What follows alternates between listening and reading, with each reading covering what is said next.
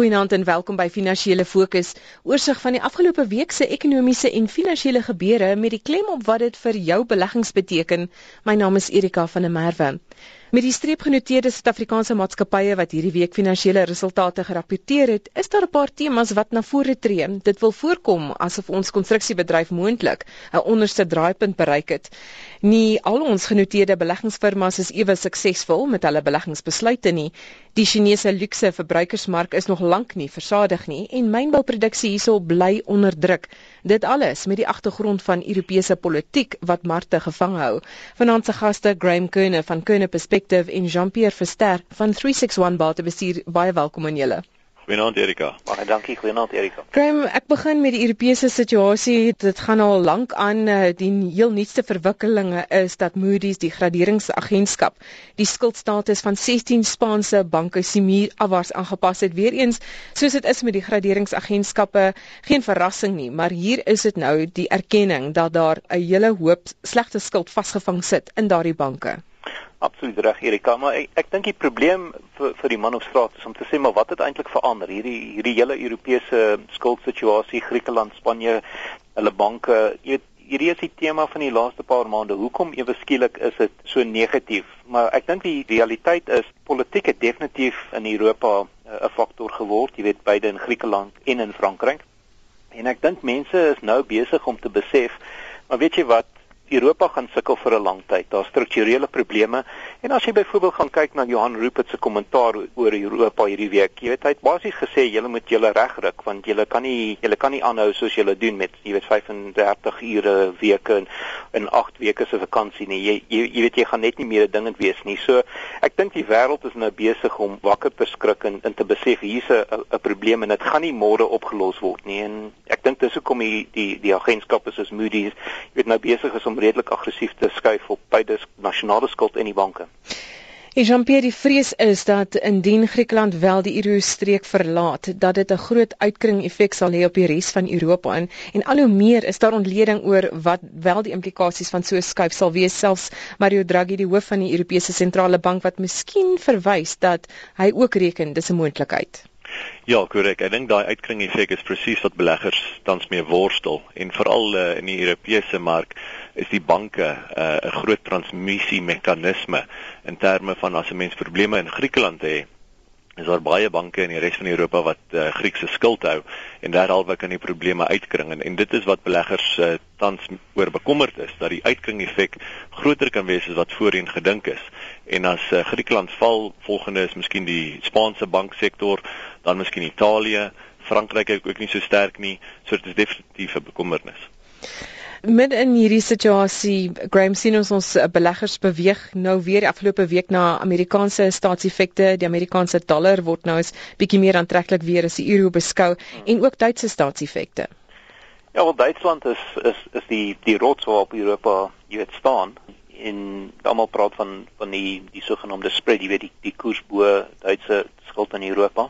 Ehm um, die Duitse ekonomie is in in in redelike goeie toestand en hulle is soos ek nou net gesê die rots van van Europa. Maar ek dink jy's reg, jy weet op die oomblik is daar paniek uit enigiets wat wat moontlik riskant kan wees en ehm um, jy dit sluit byvoorbeeld genoteerde kommoditeitsaandele en kommoditeite in.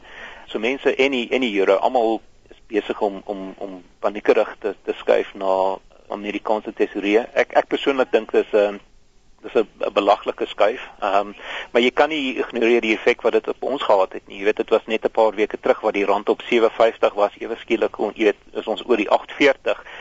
So hierdie hierdie sogenaamde risk aversion is definitief die tema vandag. Ek ek glo dit dit dit sal oor die komende weke 'n bietjie verdamp. Ek sal nie verras wees om om te sien dat die rand 'n bietjie verstewig van hierdie vlakke, maar ja, baie baie moeilike tye en almal jy doen die jy sou sê die logiese ding gaan in Amerikaanse tesorie in, maar ek dink dis 'n baie korttermyn siening. Ek dink baie mense gaan gaan dalk uh, baie spyt wees 'n jaar of twee van hm. af dat hulle dit gedoen het.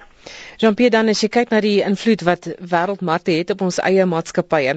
In dieselfde week wat uh Coronation uh, weer eens redelike sterk uh, resultate gelewer met goeie winste groei en bates wat groei nie net as gevolg van invloeye na sy besigheid toe nie maar ook as gevolg van die on onderliggende prestasie in die finansiële mark. In dieselfde week sê Investec vir ons dat sy beleggingsprestasie nie so goed is nie. Dis nou nie Investec batebestuur nie nie wat nog steeds kerngesond is, maar dis die ander beleggingsbesluite van die bank.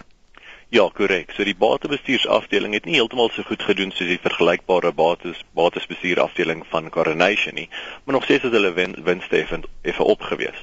En soos jy korrek noem, dit gaan oor die wat hulle die die prinsipaal transaksies van Investec wat daar regtig nie sulke goeie besluite was nie.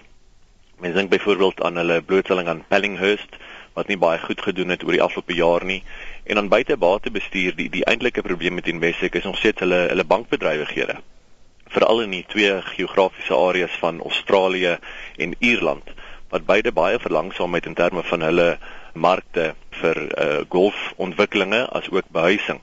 So dit is twee areas waar nog steeds 'n uh, eh, wesenlike bekommernis is uh, vir Investec en hulle sal al hoe meer wil wegbeweeg vanaf daai bankbedrywighede uh, en die uitleenbedrywighede nader aan batebestuursbedrywighede en dan Richmond wat die mark heerlik verras het met sy resultate en die mark het gegons, die prys het opwaarts beweeg met die bekendmaking van die die groot update wat die Chinese nog het vir luukse goedere.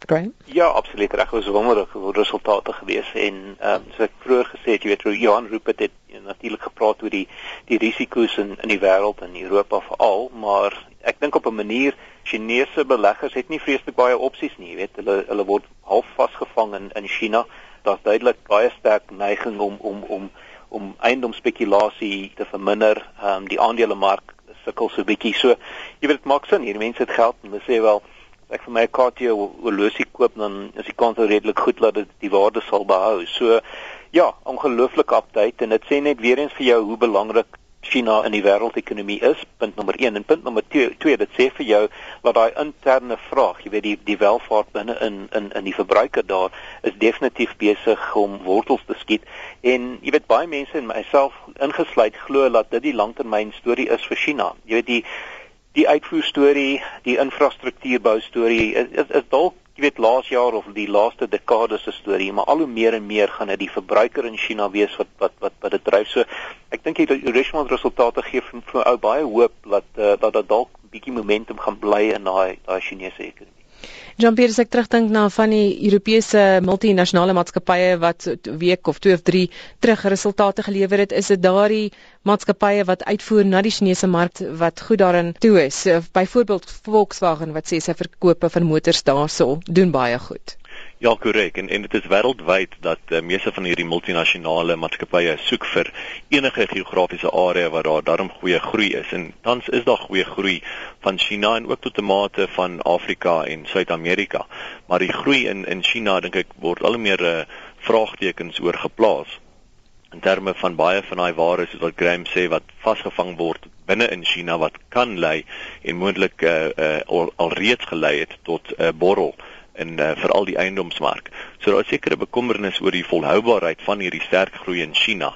En 'n maatskappy soos Richemont sal sekerlik nog steeds goed doen omdat hulle verkope ook 'n kultuurverskynsel is in China met uh, die skyn van waarde en van rykdom wat baie belangrik is in die Chinese kultuur. Maar in ander uh, areas soos voertuigverkope is daar definitief effens van 'n bekommernis oor die volhoubaarheid daarvan. Ek het gesien as 'n ophoping van motors wat weggeberre word omdat hulle nie verkoop word nie. Ja, en en dis hoekom ek sê mense hoor al hoe meer hierdie tekens byvoorbeeld van elektrisiteitsverbruik in China wat op 'n jaargrondslag relatief stabiel is, nie gegroei het nie, die gebruik van uh, lokomotiewe wat nie gegroei het nie. So hierdie ander aanduidings wys dat daar is 'n verlandsaming tans in China.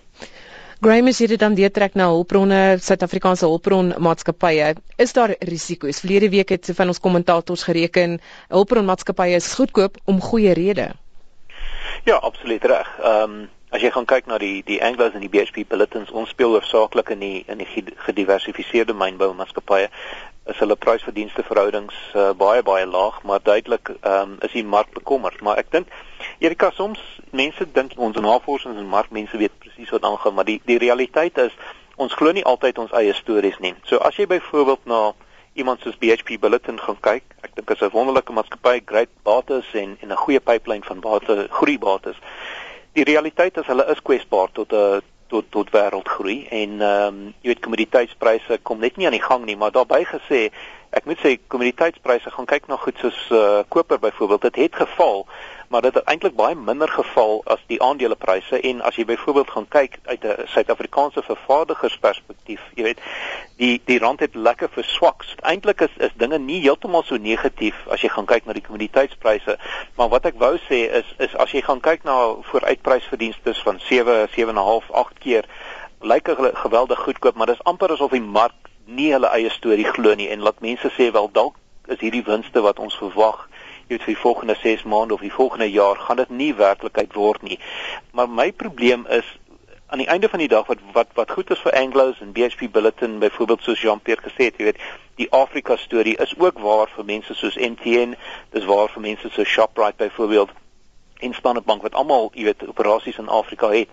So dis eintlik vir my iets wat verstommend laat markte so negatief is op op hulpbronne, maar maar jy weet as jy die logika een stap verder vat en jy gaan sê wel wat is die impak van lae kommoditeitspryse byvoorbeeld vir Afrika en wat is die impak daarvan byvoorbeeld op die uh, die aanvraag vir selfone of uh, jy weet bankdienste in Afrika. Die mark lyk my is, is baie gemaklik om om hoë prysverdienste verhoudings te te te sit op op maatskappye wat wat ook kwesbaar is tot hulpbronne. So ja, jy is heeltemal reg. Hulpbronmaatskappye is goedkoop, maar maar daar's definitief baie baie senuweeagtigheid. En ek dink jy moet sê dit lyk of jy of, of wêreldmarkte 'n bietjie verder wil val. So jy weet jy kan ek sou sê jy kan kan uh, iets soos BHP Billiton gerus koop op jy weet R220, maar moenie verwag dat dit oor 2 weke 20% gaan opwees nie. Ek dink ons mag dalk net in 'n baie moeilike markfase wees. Jean-Pierre baie om op te reageer daar. Ja, kyk hulle praat van die die super siklus in kommoditeitsmarkte en uh, baie mense het gedink dit beteken net 'n baie sterk opwaartse kurwe. Maar natuurlik 'n siklus het 'n opwaartse en 'n afwaartse kurwe by definisie. So ek sal nie verbaas wees as ons 'n sterk afwaartse uh, deel van die siklus ook sien op 'n stadium nie. Sienende dat meeste van hierdie kommoditeite tog op die einde van die dag gebruik word in China. So ja, Afrika sal aanhou groei. Suid-Amerika sal aanhou groei, maar as China verlangsaam, dan is dit baie negatiewe kommoditeitspryse en kan hierdie maatskappye se aandelepryse sal verder val. En dan die konstruksiesektor ons ons sien nou die eerste van die konstruksiemaatskappye wat resultate gelewer het onder hulle Arabics, Definity Stocks en PPC die sementvervaardiger. Nou PPC se uitvoerende hoof Paul Stuyver het pertinent gesê hy reken ons is nou by die onderste draaipunt van daardie mark, Graham. Ja, ons mag wees, maar ek dink nie ons gaan hierdie super uh, konstruksiefase sien wat ons dalk, jy weet, 5 of 10 jaar terug gesien het. So dinge lyk dalk 'n bietjie beter as jy vooruitkyk, maar dit gaan nie hierdie super siklus wees nie. En ek dink die ander ding as jy na PPC gaan kyk, jy weet na 'n moeilike paar jaar in terme van van sementverkope, lyk dit weer 'n bietjie beter, maar ja, hulle sukkel met geweldige insetkoste, jy weet, vervoerkoste, elektrisiteit en sulke goed. En ek dink dis die een tema wat vir my uitkom Suid-Afrikaanse maatskappye sukkel geweldig met geadministreerde pryse en as jy nie jou prys aan jou jou kliënte kan aanskuif met daai is dit moeilik om jou marges te handhaaf. So ja, ek dink dit is eintlik 'n baie moeilike omgewing. Dis een van die redes hoekom ons voel die mark oorwaardeer baie maatskappye. Die winsgroei gaan net nie daar wees dink ons op 'n jaar of 'n 2 jaar siening nie. Finale kommentaar van jou of Jean-Pierre miskien oor konstruksie of oor die mark in geheel? Ek dink in die konstruksiemark kan mense dit verdeel tussen die behuisingsmark en die projekmark. En miskien vanaf BBC se perspektief lyk dit asof vermensverkope gedraai het. Maar ek dink dit dit word meer gedryf deur die behuisingsmark as die projekmark. So die groot konstruksiemaatskappye wat groot projekte aanpak of dit nou in die bou van paaie, brûe, behuising selfs of kommersiële geboue is. Ek dink hulle is miskien nog nie heeltemal by die onderste draaipunt van hierdie siklus nie. So PPC en en uh, maatskappye soos Cashbuild wat meer dienste en goedere lewer vir die behuisingsmark behoort hooflik van hier af beter te vertoon. Maar die groot konstruksiemaatskappye se eksamen Graham is nog nie aan die onderpunt nie terwyl hulle aandelepryse impliseer en verdiskonteer dat hulle besig is om al reeds die die die draaipunte bereik. So ek is ook baie versigtig op die oomblik oor konstruksiemaatskappye se se aandele.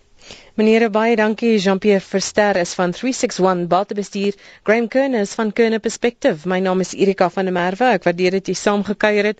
Ons is volgende Sondag aan 20 voor 9 weer hier sonder geseënde week vorentoe. Totsiens.